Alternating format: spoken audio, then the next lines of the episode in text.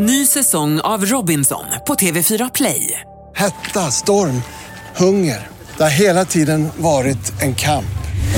Nu är det blod och tårar. Fan händer just nu. Det. är Detta är inte okej. Robinson 2024, nu fucking kör vi! Streama söndag på TV4 Play. Victor and Pharaoh.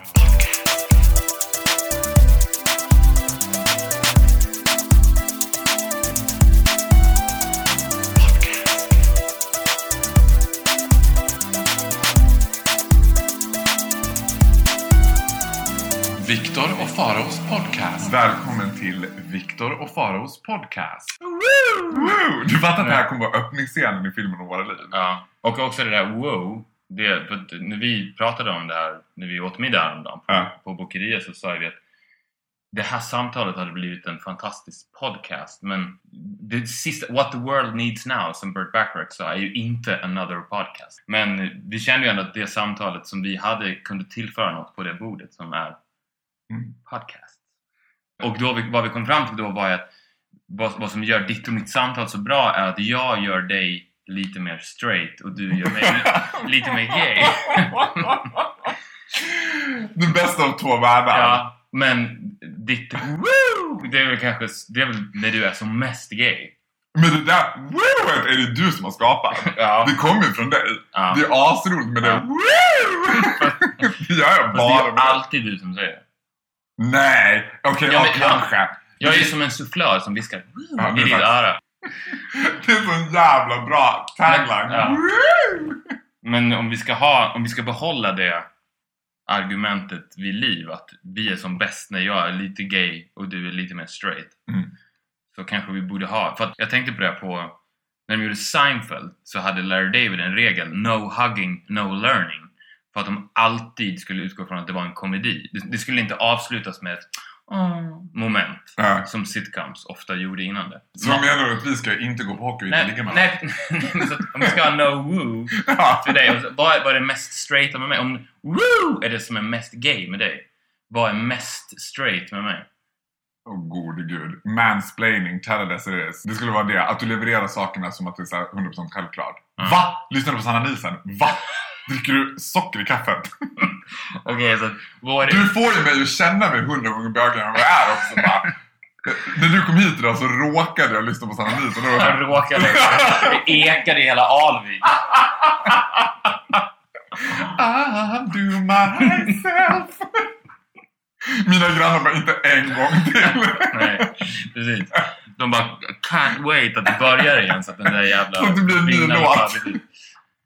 Nej men om, om vi ska ha en sån regel, no woo och vadå, no sugar in the coffee. Är det, är det, är det vår, våra stolpar som gör att vi alltid vet att vi kommer leverera kvalitet? Att jag, okej. Du får aldrig säga woo! Och jag får aldrig säga vad fan, lyssna på Sanna Nilsson. Va? Nej men då, då måste du... Nej men så här blir det. Du får... Jag får aldrig säga woohoo! Nej, Och du får inte ha so- Du måste ha socker i kaffet. jag måste ha socker i kaffet. Men det blir så. Men om det här blir en hit då så kommer jag ju gått upp 25 kilo om ett Och, år. och vara på sockerspeed hela Ja, tiden. ja. Ja men det är det värt. Ja men Ja. du får, okej, du får inte säga...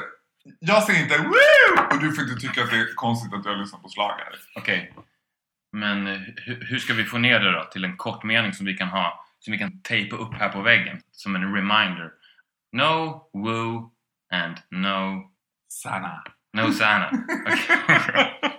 no woo, no Sanna. Ja. No woo, no Sanna. Ja, Nej, men det måste bli and Sanna i så fall, eller? Ja, Ja, woo, no woos and Sanna. no woo and Sanna. Ja, okej. No woo and Sanna. Det är vårt mantra då. För att, Det är vårt för mantra. att hela tiden bli påminda om att vi ska, vårt samtal håller den absolut högsta kvaliteten när jag är lite mer gay. Eller när du lyfter upp min gayness och jag lyfter upp din straightness. Men tycker du att jag lyfter Tycker du generellt när vi umgås att jag lyfter upp din gayness?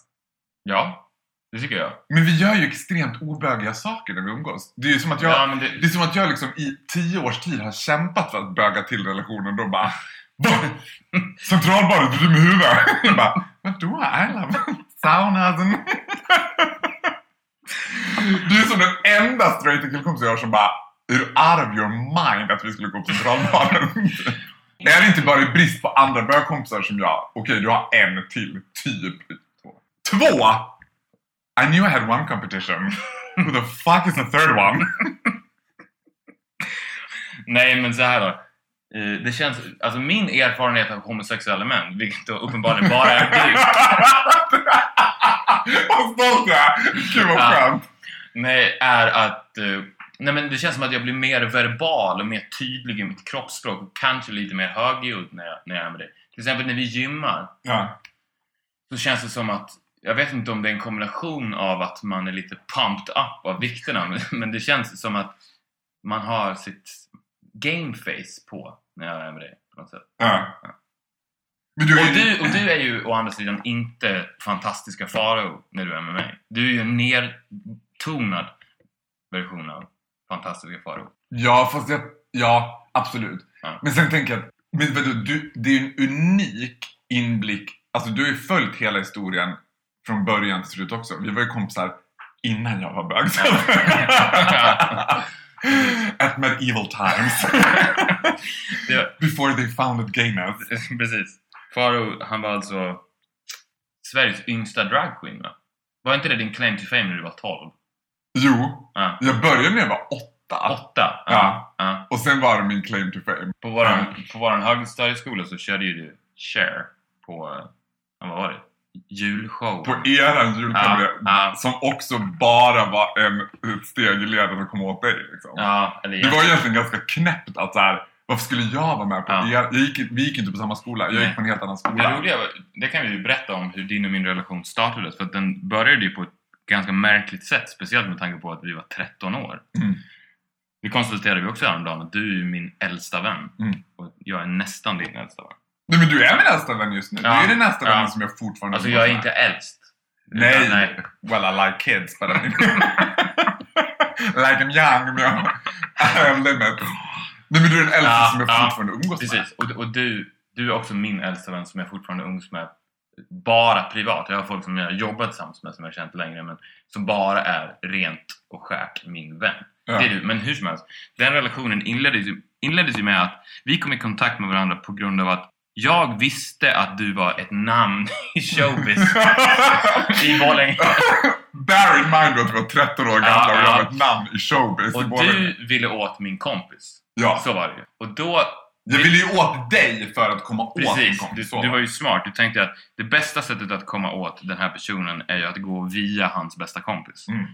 I befriend him och sen så kan jag kliva rakt in. Det är sjukt att du var sociopat at Ja, age of ja. 13. Liksom. Att det redan Och, ja, och jag tänkte så här, mhm, här har vi en kille som kan ge mig en liten språngbräda, eller mitt band då. Ja. Sugar Plum Fairy som redan fanns då. Ja.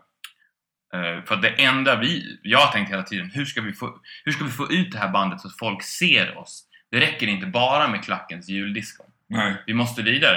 We Och- call the drag queen.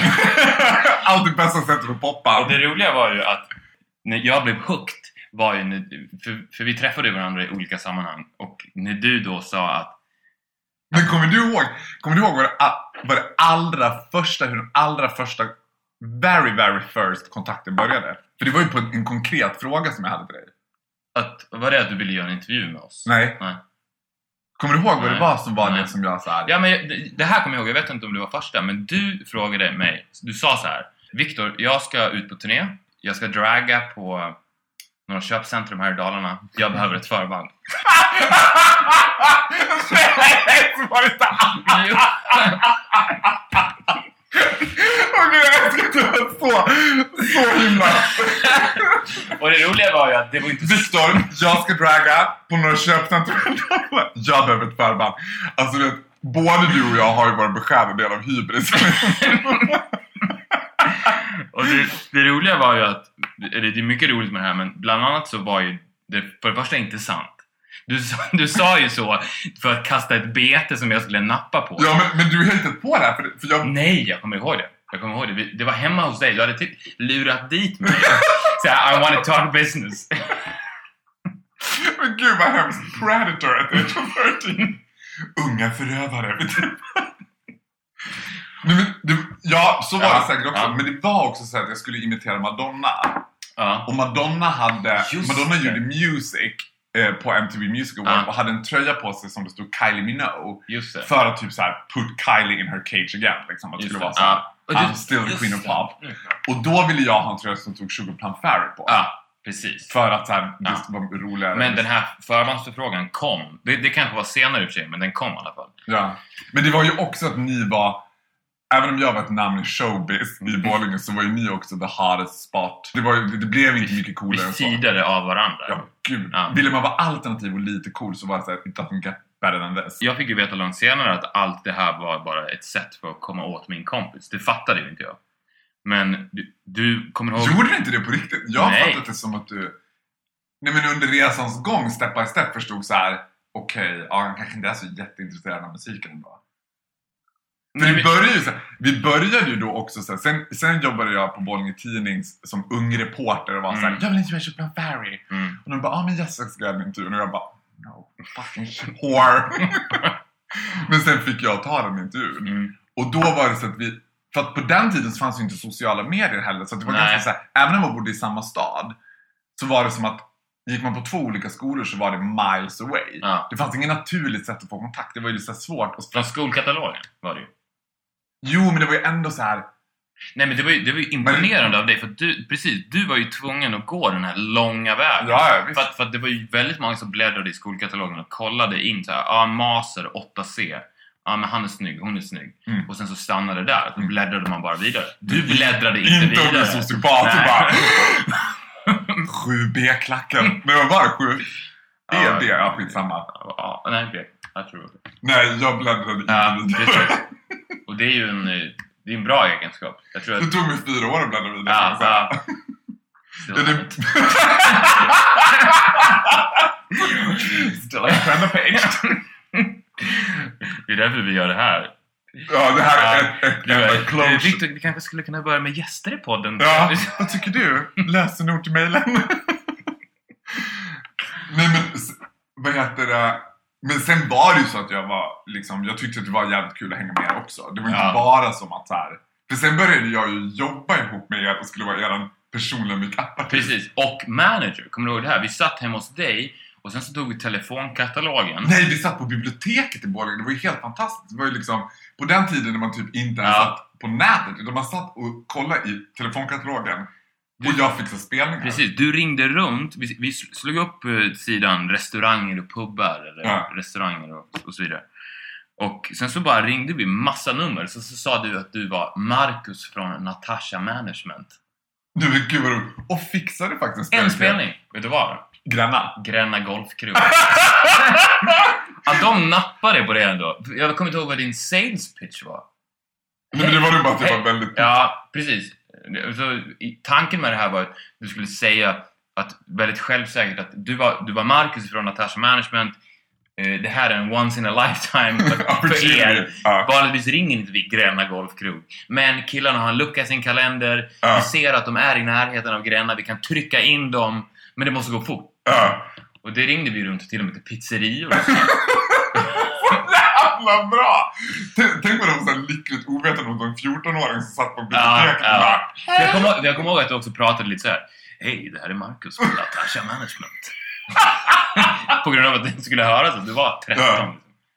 Men det var ju det, det, det måste jag säga så här, var ju det också som fångade dig och mig. Alltså fångade kontakten med dig och mig. Att båda två var ju extremt produktiva. Ja. Du har ju alltid, så länge jag kan minnas, varit så otroligt så här, driven och produktiv i det du har gjort. Att, var, att man närde av den kraften. Att jag var precis lika liksom så här, drivande i vad jag ville, även om liksom, mitt, Du ville någonting helt annat. Ja. I had cruel intentions. Precis.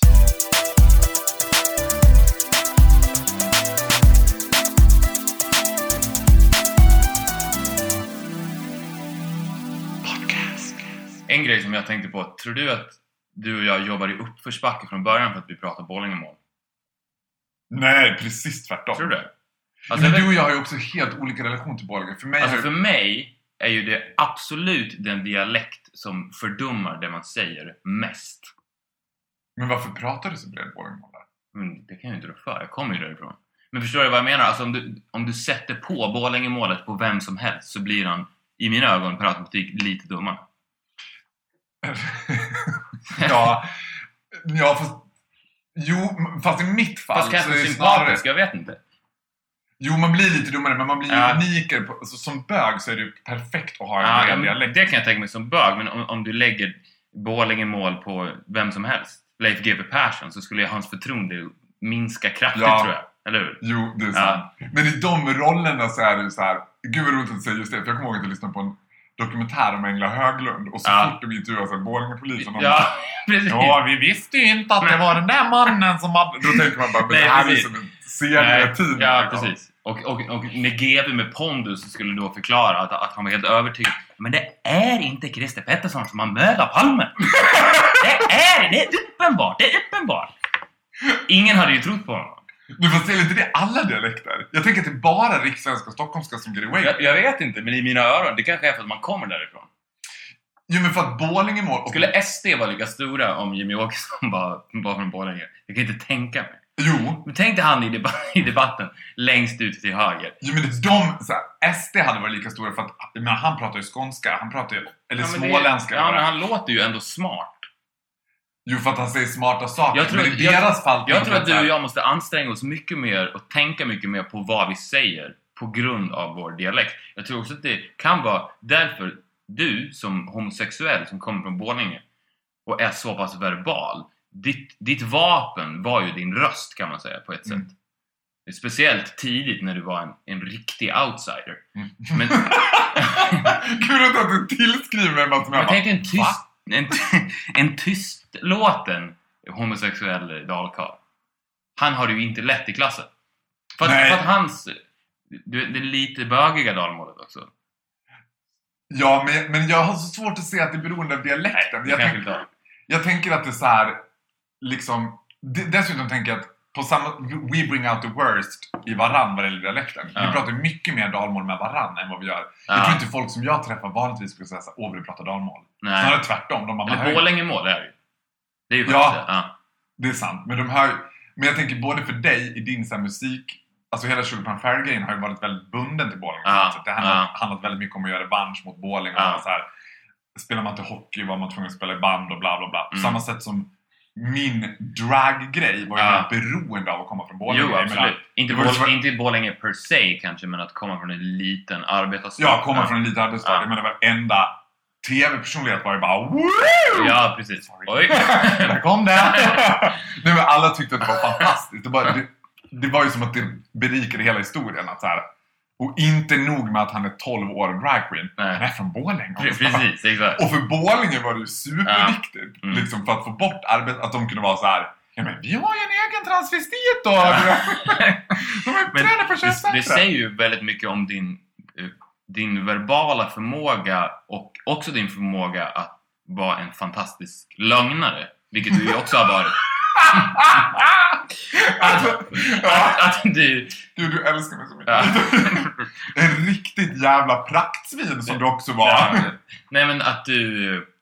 Du var ju extremt flamboyant drag queen. Ja. eh, head over heels över snygga killar i Borlänge. Och samtidigt uttalat straight. ja. Ja. Och med en sån övertygelse att du till och med nästan lurade mig. Jag vet inte vad det säger om mig men... Men jag kommer ihåg att vi hade... Att vi pratade i telefonen då och jag sa till, jag sa till dig Du hette ju inte Farao då. Nej. Jag sa Marcus Du är bög och det är okej. Hela din livsstil passar ju mycket bättre ihop med att du är bög än straight. Så det, det är ju inga konst, det är konstigare för dig att inte komma ut. Och då sa ju du till mig så här. Alltså, Viktor. Alla mina idoler är homosexuella eller kvinnor. Jag vet att jag har attraherats väldigt mycket av gayvärlden. Men jag kan inte rå för att jag är straight. Jag är så ledsen Viktor, men jag är straight. Ja. Ja, men, ja, fast vet du vad? Jag har så himla svårt att se att jag ljög. För jag var inte bög i mina egna ögon heller. Fast det här var ju mitt uppe i jakten på Ja, ja en men hur, kille. ja, men hur sjukt det än låter så var det som att så här, och det tänker jag med alla bögar. Alltså, Ja. Är det något jag verkligen skulle vilja ge alla bögar än idag så är det så här, Ja. låt För jag menar den vanligaste frågan jag får är så här, tror inte du att han är bög? Ja, Eller att jag ska hjälpa ja. folk. Liksom tanten i mitt jobb som bara Jag tror att min son är bög. Hur vet man att han är det? Och då skulle jag säga till alla så här, men låt dem ta sin tid. För jag Ja. tror att Men jag har svårt att fatta de som kommer ut när de är 40 och bara I'm gay. Så Ja. gud vad hemskt om man lät så Ja. liksom. Men för vissa går det skitfort, vissa tar det längre tid. Ja. Nu var ju hela min komma ut-grej jätteodramatisk liksom. Men bara en liten sidoparentes. Tror, tror inte du att de som kommer ut när de är 40 har ännu roligare när de väl kommer ut? För att jag tänker att vi, ja. vi, vi pratade, om, pratade om det här med att när man skaffar barn, hur mycket mer man uppskattar när man väl får gå på bio eller man väl går ut och käkar. Ja. På samma sätt, om du har hållit det inom dig i 40 år, och då, det är ju lite så att nej, men du har barnvakt ikväll. Gå, ut! You're free to go Ja. Men tror du att man alltid har hållit det inom sig? Eller tror du att det finns de som upptäcker out of the blue? När de är, jag menar, vi har ju en gemensam vän som hävdar att han liksom bara ja. Okej! Tror du att det finns? Eller tror du att det bara är bullshit? Du har vetat hela tiden, du har bara inte sagt det. Det är, jag tror att det lätt, borde ju vara lättare för dig att svara på det. Eller? Nej. Eller, eller men det finns väl... Jag, Jag tror inte heller... Det kanske inte finns... Var, kanske varken finns bögar eller straighta. Utan att det är egentligen samma sak, bara en lång skala. Och du, du är ju längst ut på bögskalan. Allra längst ut. Gaylord. Ja. Allra, allra, allra Ja, längst ut. ja, ja. Gaylord of the rings. Som, som ett, du var ju nästan född bög, Ja. kan man ju säga.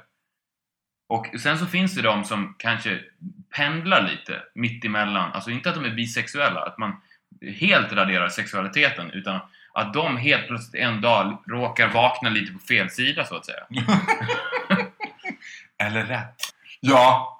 Jo, fast jag tänker Det att det. Jo, men jag tänker att det svåraste med alltså allt, alltså den diskussionen som alltid blir kring homosexuella är ju att man hela tiden sätter- sätter sexualiteten i fokus. Ja, Att den största skillnaden mellan dig och mig är ju egentligen att jag blir kär i killar och det blir inte du. ja, Sen så tror jag att det finns, en, och framförallt folk som är yngre än oss, att allting in between idag är så himla flytande. Alltså att det hela tiden finns så här. Jag tror att det finns jättemånga killar som har sex med en kille två, tre gånger i sitt liv. Och sen är de fine med det. Ja. Det var jättetrevligt, jag kommer Ja. inte göra det igen. Det är inte så att de lever resten av sitt liv och bara "That one time in Bangkok. och längtar tillbaka till det. Eller så gör de det. Och Ja. då tänker jag, fy fan vad hemskt att vara. För att jag tänker, även om det är ju helt fantastiskt att komma ut när man är 40 och man får verkligen leva ut. Tänk allt man har missat. Och dessutom har man haft fru och barn. Men det finns ju ganska många som har ju, det, det, men de kanske, de kanske har gjort det medvetet. För det första kanske de hade en drivkraft att de ville ha barn. På det sättet, så att de skaffade sig en tjej för att de ville ha barn när de blev 25-30. Och kanske levt lite mer öppet när de var yngre. Men sen att de, på samma sätt som man köper lördagsgodis, håller inne för att sen kunna explodera i sista halvan av livet. Men tror du att de har bestämt då så här?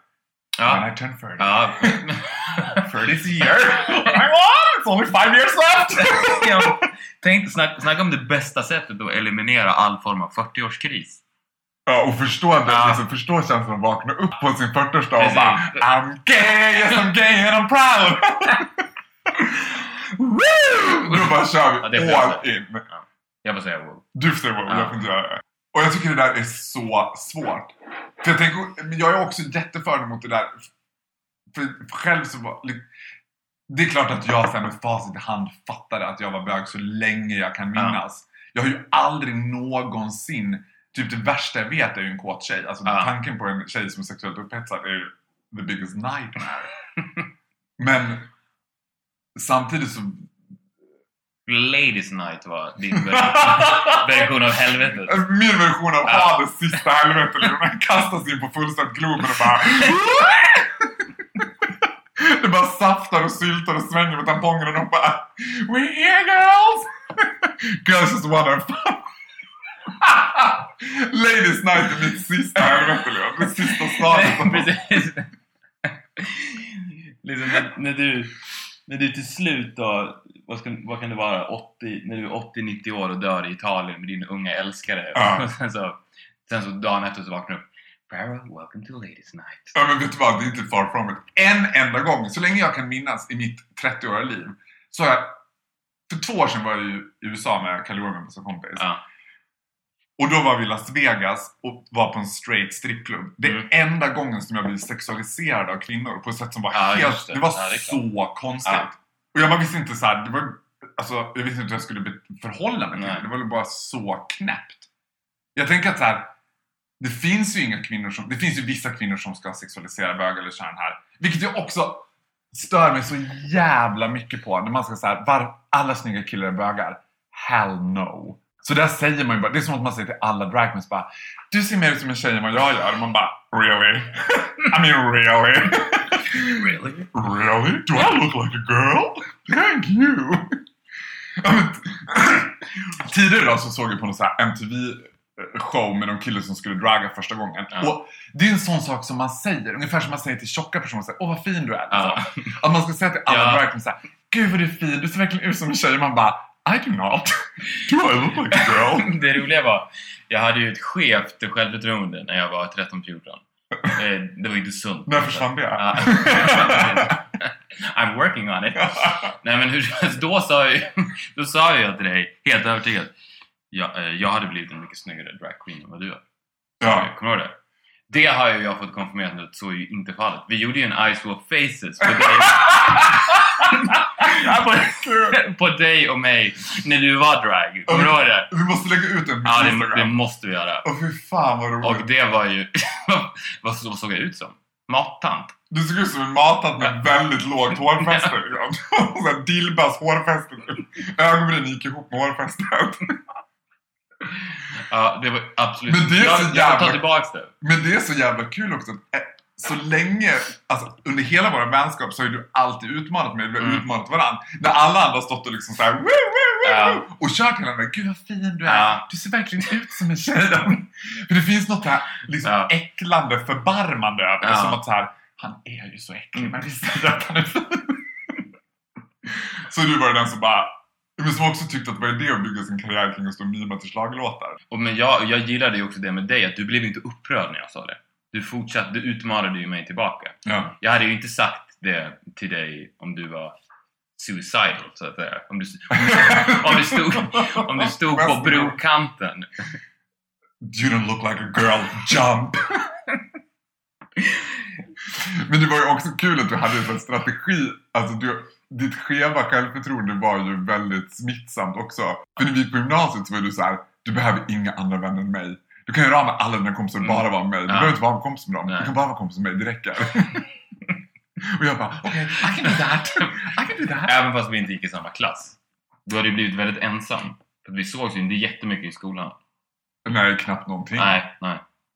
Och jag var ju, nej, nej verkligen inte. Det roliga var ju att, som, som, som vi pratade om tidigare, det här med att när vi, när vi umgås så har jag alltid känt att du är på en annan nivå än vad du är annars och jag är också på en annan nivå. Så när, när jag gick in i matsalen på gymnasiet och Mm. hörde the, Nu är han igång. Ja. The circus. the Faro crowd i hörnet, Ja. uh, Circus is in town. Då gick ju jag bara förbi och tittade och bara, det där är inte du. du kan så mycket bättre. Det där är inte du. Det där är inte du. Det där- Du, nej, så här, du fejkar. Det var ju så, så sa jag till dig, du fejkar, du är inte sådär på riktigt. Och, jag, jag tänkte, och det vet man ju inte vad som var sant, men jag fick ju alltid känslan av att när du var med mig så var du dig själv. Tycker du fortfarande det? Ja. Tycker du fortfarande att den sidan är... För jag tänker så himla mycket på det där uttrycket. För så säger folk också, är med dig kan jag verkligen vara mig själv. Säger alla det till dig? Nej, nej men man säger ju det till Ja, folk ja, som ett ja. så här. Men handlar inte det om att så här, är inte det man egentligen vill säga så här, när jag är med dig så är jag, är jag en person som jag trivs att vara. Eller För jag tänker att ja. jag alltid är mig själv. Jag kan inte vara någon Nej, annan. precis. Men jag tror också att det är så att man är ju ofta en mer nedtonad, simpel version av sig själv när man bara är tillsammans med en person. Så när det bara är du och jag, om det kommer in en tredje person här så blir det ju direkt en annan dynamik för att man måste förhålla sig till den personen också. Ja. Så att det har ju alltid varit så att du och jag har varit och sen så har det kommit in en tredje person och helt plötsligt blir det en annan dynamik och du blir annorlunda och jag tänker då men varför är du inte dig själv längre? Fast egentligen kanske du är dig själv, det är bara att du förhåller dig till den nya gruppdynamiken. Ja, och vice versa. Ja, precis. Så att det, jag vet ju inte hur du är one-on-one med andra. Would you love to know? Yeah. Would you love to know? Nej men ja. Gud vad roligt. Man kanske... Fast jag känner mig inte förljugen i det. För jag tänker att så här. O, olika personer brings out olika saker Ja, ja. Varandra. Nej, men det var på samma sätt som vi pratade om sexualitet, att man kanske inte är bög och inte straight, så är man inte bara en version av sig själv. Det, be- det behöver inte betyda att den här versionen av Farao är den riktiga Farao. Det är bara en version av, av Farao. Och sen så kan det ju vara så att just den versionen är lite bättre än de andra. För dig? Ja, eller, ja, eller överlag. Ja. Ja men sen tror jag också så här, Och, ja, det- för att jag är ju inte så här när jag är med andra heller, såklart. Vad är största skillnaden? Eh, Du är lite mer straight. när jag inte, precis. D- när jag inte är med dig så är jag ju lite mer straight. I, i, i, min, I mitt huvud straight. Men, men du är inte... Vad det nu betyder. Ja fast du är inte spelat straight. Men jag, vi pratar ju inte, till- till exempel, vi pratar inte alls om musik. Nej. Vi pratar ju inte alls om sport. Och om man, vi pratar inte alls om tjejer. Nej. Om du eliminerar de tre samtalsämnena från Ja. en man så måste han använda resten av hjärnan. Ja. Så att man kan ju säga det att när jag är med dig så är det en vilande del av min hjärna som aktiveras bara när jag träffar dig. ja men då är det samma sak med vi pratar Ja. inte om schlager, vi pratar inte om exakt. killar och vi Nej. pratar inte om bögsex. Nej, precis. Så att då blir det så här. Guys, it's time! de, de har sovit i två veckor liksom. Åh gud vad rolig tanke. Ja. Ja. så är det verkligen. Ja. Om- Om det var någonting... Vad sa, vad sa vi nu? Vi skulle kalla den här Viktor och Faraos podcast. Mm. Inte Farao och Viktor. Det låter inte bra. Viktor och Farao låter bättre. Är du säker på det? Det kommer ju vara skrivet i sten när vi väl släpper det. Det här kan ju vara en ongoing beef som håller på i 50 år. Vet du att, om då vi ska prata pyttelite om musik, eh, Paul McCartney ändrade ju creditsen till Yesterday när han släppte en liveskiva 50 år senare från Written by John Lennon och Paul McCartney till Written by Paul McCartney och John Lennon. Och hur mycket Hur genererade dåligt det? självförtroende han var då. Nej men bara för att. För att han ville stå först. Och då var John Lennon död. Ja, Gud vad hemskt. Det är Ja. som att smäda. ja. Tänk om du kommer göra det när vi släpper vår poddbox Poddbox. 2058. När jag är död. När du är död, jag bara... Farao och Viktors podd. Nej men den hette det. Viktor och Farao var bara ett arbetsnamn. Jag vet att Viktor hade velat att den hette Farao och Viktor. Gud, det är en sån här sjuk tanke jag också har så här, när någon går bort. Att man hela tiden så här. Min, min största skräck om jag skulle gå bort, det är att massa olika... För jag, har, jag umgås väldigt mycket one-on-one med Ja. folk. Du och jag till exempel har en ganska exkluderande relation. Ja. Tanken på att vi plötsligt skulle göra den här duon till en threesome Ja. existerar inte. Och Nej. så fort det liksom av någon anledning har blivit så, så är ju båda två ganska besvikna. Ja, bara, ja precis. ah, Exakt. han hängde på också Ja. och man bara oh no. så då tänker jag så här, när jag dör, då kommer det vara så många olika personer som ska claima att de kände mig bäst och bara Ja. jag vet vad Farao skulle vilja. Jag vet att Farao skulle vilja ha det så här. Samtidigt sitter du och brinner i Ladies Night. sitter jag på Globen och bara... Det är bara, det är bara bullfittor överallt som står och bara... Alltså tanter i grupp, ladies night. Du vet vad, du är så jävla spot on. Det är typ det värsta tänkbara för mig. Jag fattar inte Andreas Lundstedt som gjorde Ladies Night. Gjorde han? Andreas Lundstedt, why the hell vill du vara i Ladies Night? Ja, men... Ja, ja, There men- is nothing there for you. Nej, men man kan, man kan ju förstå varför han gör det. Han får ju antagligen jävligt bra betalt. Ja. Men att tanterna, ja, de, de går igång på vad fan som helst. He's gay, we don't care! He's got HIV, we don't care! Men det blir sån här masspsykos, tanter i grupp, de skiter i vilket. De Ja. går inte igång på vad som helst. Det är ett får! I don't care! I'm feeling it! Men jag tänkte, Martin Stenmark som är Mr Ladies Night, jag Ja. hoppas verkligen han gillar milfs. För annars är han totalt körd. Ja. Han får ju bara ligga med tanter plus 50 typ. Ja, förutom sin fru. Men om man, om man Hur inte... gammal är hon? Men hon är väl ung? Inte så ung längre va? Men de är väl jämnåriga? Ja, hur gammal är han? Men han känns som en manlig version av Sanna Nielsen. Det känns som att han har sett likadan ut. Alltså, han, kan, han kan vara 32, han kan vara 58, vi har ingen aning. Nej, han har ju inte det som vi pratade om på, vår middag förra veckan, ett babyface. Nej, och har säkert aldrig haft. Nej, han har aldrig haft ett babyface. För vi pratade ju om det att till exempel... Eh, eller du, du, DiCaprio. ja, precis. Men du frågade mig om du tyckte... Om jag tyckte att mitt utseende var bättre för tio år sedan än vad det är Mm. nu.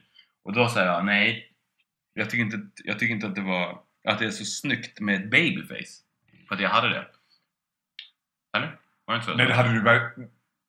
Okej, nej, du sa att du, men du tyckte att du hade ett babyface. Ja, Men om man ska vara helt ärlig så har du aldrig haft det. Nej. Du har ju haft Nej. ansiktet hugget i sten. Nej, precis. Nej, nej men jag hade, ett, ett, jag hade ett ansikte som alla har ju ett babyface när de är unga. Mm. Men mitt ansikte passade inte att vara i ett babyface. Till exempel som vi sa, Leonardo DiCaprio. När han var 23, Ah. då var ju han kanske världens sötaste kille. För han har ju ett perfekt ansikte för ett babyface. Och nu när folk säger så här, Fan Leonardo DiCaprio, fan han har blivit sliten. Han är inte alls lika snygg längre. Ah. Egentligen är det ju tvärtom. Att han, anledningen till att han ser förjävligt nu är att han har kvar sitt babyface. Ja. Men resten av hans kropp har ju åldrats. Men inte babyfacet. Det är ju kvar. Det är så, som vi pratade om ice swap faces. Det är som att göra ice swap faces på en bebis och en hipster.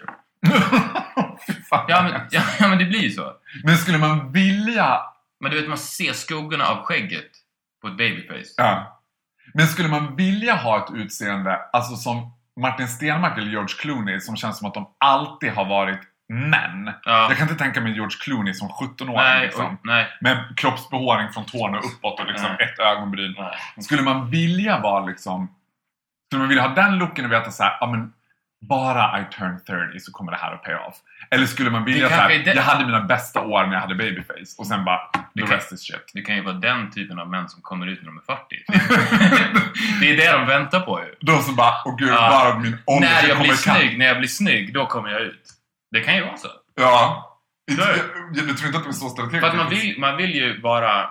När man är som snyggast så vill man ju ha som mest action. Mm. Och om man då medvetet... När man är 20 och känner så här, Nej, jag tror nog att det är när jag är 40. Jag tror ni får Pika. hålla lite på ja, mig. Då, tror jag att vi är. Jag tror att så här, tror, tror att Martin Stenmarck och George Clooney visste när de var 20 så här. "Ah, bara jag fyller 40 så kommer jag komma ikapp liksom. Då kommer det bli mycket bättre. Då kommer jag, så här, då kommer jag se ut som min ålder. Ja. För Leonardo DiCaprio måste ha tänkt så här, min bästa tid är nu när Ja. han var 20. Nej, jag tror, jag tror nog... Det är, nog- det är nog mer troligt att George Clooney och Martin Stenmarck var medvetna om det. Eller att de kände så att Ja, ja, jag blev väl inte så snygg då. Och sen så för varje år som gick så blev de lite snyggare, lite snyggare, lite snyggare. Ja, men, Medan jag tror Leonardo DiCaprio tänkte I'm, I'm gonna be gorgeous forever.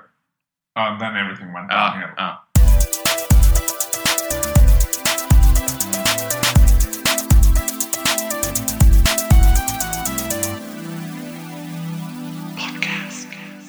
Jo, men vad heter det? Vi pratade ju förut en gång om att det som gör en bra skådespelare, eller hur man skiljer någon som är duktig skådespelare, om det nu ens finns folk som behärskar det, Mm. är att i en bra film, eller i den bästa av världen en bra film, så skulle det stå ett kamerateam här nu och filma oss. I precis, och vi pratar exakt som vi gör nu, Ja. med precis samma så här, verklighetstrogna, oavsett hur duktiga de är så känns det ju ändå alltid lite, lite konstlat.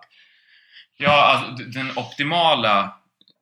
Den, den optimala skådisen skulle ju först bli helt hypnotiserad och inte veta om att det fanns kameror överhuvudtaget. För att till och med Robert De Niro vet ju om någonstans att han filmas. Ja. Och jag tror att det är så att de som känner Robert De Niro privat Mm. och ser honom tycker att han är en dålig skådis. Ja, Eller hur? För det är så här, men det där är inte, det är inte Robert. ja. Han fejkar ju. Det ser väl vem som helst att han fejkar. Ja. Men så tycker jag att med all, alla människor som man känner eller har en relation till Mm. som, som spelar teater så ser man ju på en gång att de spelar teater även om de spelar sig själva. Ja, men det, ja absolut. Ja. Men jag tycker att det är så oavsett om man känner dem eller inte. Fast jag där- håller med dig. Därför Jag- borde en skådis borde ju isolera sig helt, inte ha några kompisar överhuvudtaget. Vilket liv! Att bara så här, bara, jag vigde hela mitt liv till karriären. Jag ska bara Ja. liksom... Jag ska bara agera. Jag bor i en Ja. stuga i skogen och får bara komma ut. Snacka om dedikation. Ja, men- ja. Men fy fan vad tufft. Ja.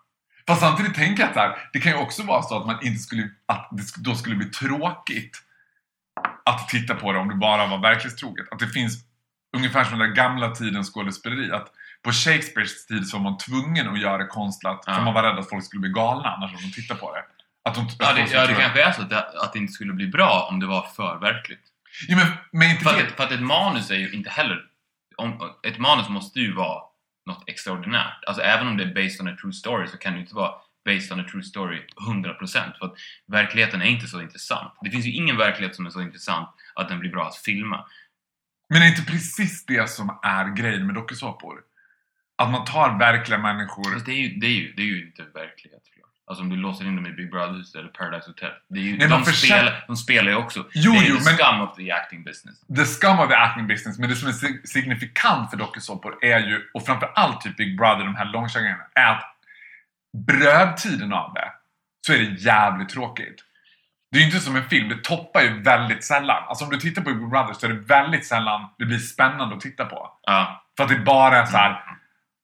Bara för att det är dödtid. Det är bara, Mm. liksom, de sitter bara tråkigt. Paradise Hotel, samma sak. Det är som att alla dokusåpor så handlar grejen om att ha tråkigt. Mm. Om de inte ska ha som i Robinson och sånt där, det hela tiden drivs av att de ska göra saker Ja. eller göra något. men de, då borde de då borde kanske göra då, eller man, man borde göra en film där allting filmas med dold kamera och alla skådespelare är personerna som man filmar och de vet inte om att de är med i filmen. Och sen så driver man själv på storyn. Det låter... Det, lå, det är typiskt en sån där grej som låter så bra så att det verkar konstigt att det inte skulle vara gjort. Men då, nej, nej, precis. Som att här, det, är någon som måste ha gjort det Ja, redan. det är garanterat någon som har gjort det. Men den, i så fall har den filmen inte fått tillräckligt bra uppmärksamhet. Eller, inte så, eller så blev den inte tillräckligt bra. För att det låter ju... Då får du ju verkligen pure acting. It's not even acting. It's real. Ja, precis. För att en dokumentär är ju inte heller så. För den är ju också real. Ja. Alltså så fort en kam- folk är medvetna om att det finns en kamera, även om det är en dokumentär, så spelar man ju. Jämt. Alltså såhär, nu ska vi göra en intervju med dig. Då börjar du spela. På en gång så, ja, ah, nu spelar vi. Nu är jag Faro som sitter framför kameran. Det är dags. Put it on. Nu spelar vi. Och samma sak om du, om du säger, ja men när man gör en dokumentär, ja men du kan ju bara filma lite miljöer när vi hänger här och snackar. Alla sitter ju och tänker hela, hela tiden, det filmas, det filmas, det filmas. Ja. Så det är ju, det är ju, och dold kamera, Big Brother, det vet de ju om att det är kameror. De är, även fast de är dolda. Så att man skulle göra Uppdrag granskning moment så att säga, fast inte med Josefsson utan någon okänd. Ja. Och bara gå runt och prata med folk och försöka driva storyn på det sättet. Och sen, det skulle säkert ta lång tid, och sen klippa ihop det till en bra film. Och de här dolda kamerorna måste ju också, man kanske, man skulle, man skulle behöva bra dolda kameror. Flera stycken. Tre, fyra dolda kameror överallt. Så att, så att filmmaterialet inte blir shaky, jag har kameran gömd i bältet kvalitet, utan att det blir, det blir lika bra kvalitet som, som en riktig film också. Fast allt är dolt. Ja. Fast det svåra då, alltså det är en asbra idé. Det känns som så här steg två av Blair Witch Project. Att när Ja. den eran kom när man började filma med skaka handkamera och folk tyckte bara oh god, Ja. it feels so real. Mm. Men det, det måste ju fortfarande vara en person med som driver hela saken framåt. Och den vet ju... Jag har ju, jag har ju själv varit med i situationer där jag har filmat med dold kamera Ja. på TV. Mm. Och då är jag hela tiden medveten om... Ja, Alltså det ska ju... Jo, jo, man klipper ju alltid bort dig, så att säga. Ja. Du, du är ju regissören då. De enda som är med i filmen är ju Mm. de du filmar med dold kamera. Men, men det jag slogs av när jag filmade med dold kamera, det som utmanar mig Fast problemet med det också är att du, du som då driver samtalet vet ju om att det filmas. Ja. Så att det blir ju i alla fall inte 100% rent. Nej, för jag vet ju också vart Det, vill komma. ja, det skulle vara övervakningskameror då. Att man Ja. klippte ihop, du, du samlar ihop allt material från Stockholms övervakningskamera under ett år och klipper det till en film. Åh gud, det skulle bli så jävla tråkig film. alltså. Det skulle vara de är väldigt... för dåliga kamerorna, är för dåliga. det är ju det är också ett problem. Det är för dåliga kameror. Sätt upp riktigt bra kameror överallt, dolda. Ja, och då måste man sätta dem ju överallt. För det kan ju inte vara så här. Nej, The new splendid motion picture. Odenplan. nej, nej precis. What happens is real. Exakt. Ja. Men vad heter det? Det, Jag det är såg... ett jävla monsterprojekt. Det är ett jävla på. monsterprojekt. Och får man det bra hade det varit ascoolt. Ja. Men sen tänker jag att det så här, Sen är ju kultur hela tiden verklighetsflykt. Vill man se verkliga saker? Liksom, är, är det som att man söker efter, egentligen, söker man verkligen efter det som är så, så real som möjligt? Eller är det som att man bara, nej men, Det beror ju på. In, in, det gör man ju... Jag tycker ändå att man gör det i film. Då vill man ju hela tiden... Alltså en riktigt bra film så, så efter två timmar så slits man ju slits man ur den och sen så bara oj jäklar fan vad bra den var. Att man, man trodde nästan att man var i den i två timmar. jo en viss typ av film. Men sen kan det vara liksom, tycker jag att det kan vara skönt när det bara får vara, om man kan acceptera filmens ton Mm. Alltså jag såg häromdagen Titanic igen. Och. Titanic var ju verkligen en film av våran generation. Det var ju liksom den största filmen du och jag var unga som man skulle Mm. gå och se på bio. Och man tyckte att det var den bästa filmen man någonsin har sett. Och så ser man den nu. Och Leonardo DiCaprio känns ju som att han är färglagd efteråt. Alltså sånt där skimmer över honom hela tiden som finns. Och han pratar hela tiden bara Rose, I never let you go. Alltså det finns en, så här, en ton som bara är totalt superkonstlad.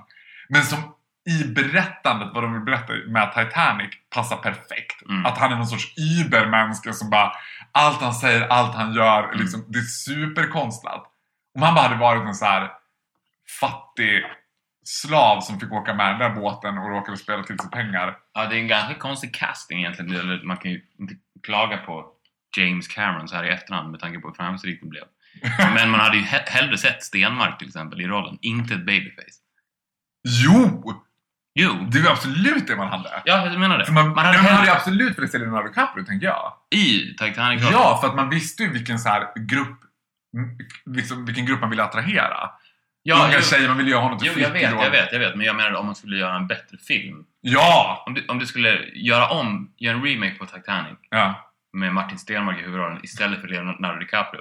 Och Rose är då en, en 50-årig ladies Meryl night. Streep. Ladies Night. Istället för en Ladies Night. I never let you go, Martin. I mean it, I never let you go. Det hade, det hade varit mer for real. Det mer for real for sure. Ja, men en, en Ladies Night-kryssning. Man gör en remake av Ja. Estonia och försätter det i en Ladies Night. det var ju Ladies Night på Estonia, det var ingen som visste det. Gud vad roligt att baka in allting som vi har pratat om idag i så här, blir en ny remake av Ja. Men vi, har- det har redan gjorts en remake av Estonia? Eller, inte Av remake, men Estonia. gjort en film av Estonia. Ja, en, en tysk produktion tror jag som blev en extrem flopp. Skulle tydligen ha varit väldigt dålig, men jag tror att mm, Estonia A Story... little too soon. Ja, dels det och liksom...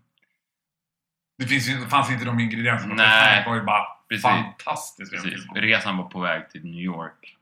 Det är lite mer glam Ja. än att vi ska åka till Estland. Gud vad roligt. En resa från ett svunnet forna Östeuropa mot friheten i Stockholm. Ja, Ja, det hade kanske inte riktigt ingredienserna. Men jag tycker ofta att det är sådär att man ser om man ser grejer som man själv tyckte så jävla mycket om när man var liten och så Mm. ser man idag och bara what? Att man inte tycker samma sak. Nej, verkligen. Så är det ju. Och det har väl, jag tror inte att det bara har att göra med att vi har blivit äldre. Nej, det har väl att göra med att kvaliteten på allting i kulturen Ja, men precis. bättre. Allting blir bättre. Folk, folk har ju en, en, ofta en uppfattning om att det var bättre förr när det kommer till film och musik. Eh, Men det är ju sällan om du verkligen lyssnar så är det ju sällan så. Speciellt saker som är så, så drivna av teknik till exempel. Jurassic Park var ju fantastisk när den kom, men du tittar på den idag så ser den för jävligt ut. Mm. Och det är samma sak, det är därför inom musikproduktion är så jävla viktigt. Det enda du kan lyssna på från 60-talet, det är ju i stort sett Beatles. Och det handlar ju väldigt mycket om att de hade så extremt bra produktion. Alltså du kan sätta på I wanna hold your hand på, ett, på en klubb idag och den låter fortfarande ganska bra. Alltså tidiga Rolling Stones grejer, det kan du knappt lyssna på hemma för att det låter för jävligt. för jävligt. Det låter så dåligt och eh, vilken 60-talssamling som helst. Det handlar inte så mycket om att Beatles, Lennon McCartney skrev sådana fantastiska låtar, vilket de gjorde. Mm. Det var väldigt många andra som också gjorde det på 60-talet. Men de hade inte de produktionerna. Det är samma med ABBA. Ja. Alltså ABBA, jag skulle säga att det som stand the test of time, det är inte att Dancing Queen är en sån fantastiskt skriven poplåt. Det har skrivits eh, tusen Dancing Queens genom pophistorien. Ja. Att produktionen är så jävla bra att, den fort, att du fortfarande kan lyssna på den. För att du vänjer dig med, med ny teknik. På det sättet att, nu, när du såg Jurassic Park första gången, det där är en riktig dinosaurie, tänkte du. Hur, hur har de, det, där, det där är ju inte fake. Ja. Om du tittar på det idag så ser det ut som att det är någon teknikare i 1C som har gjort det.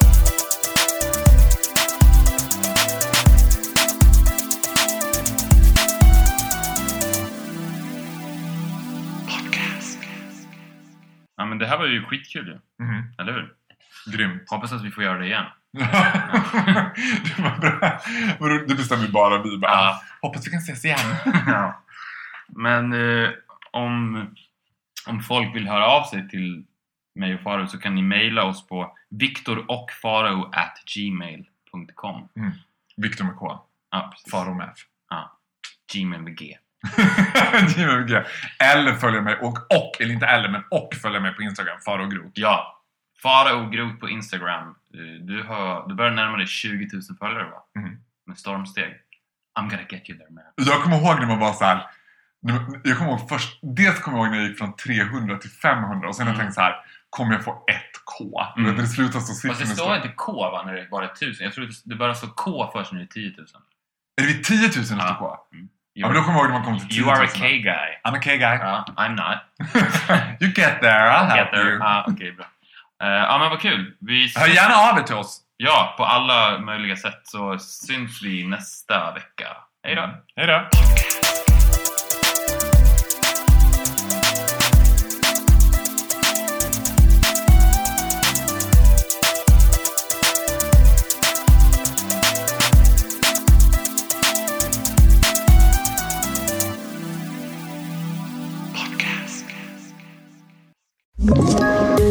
Poddtips från Podplay.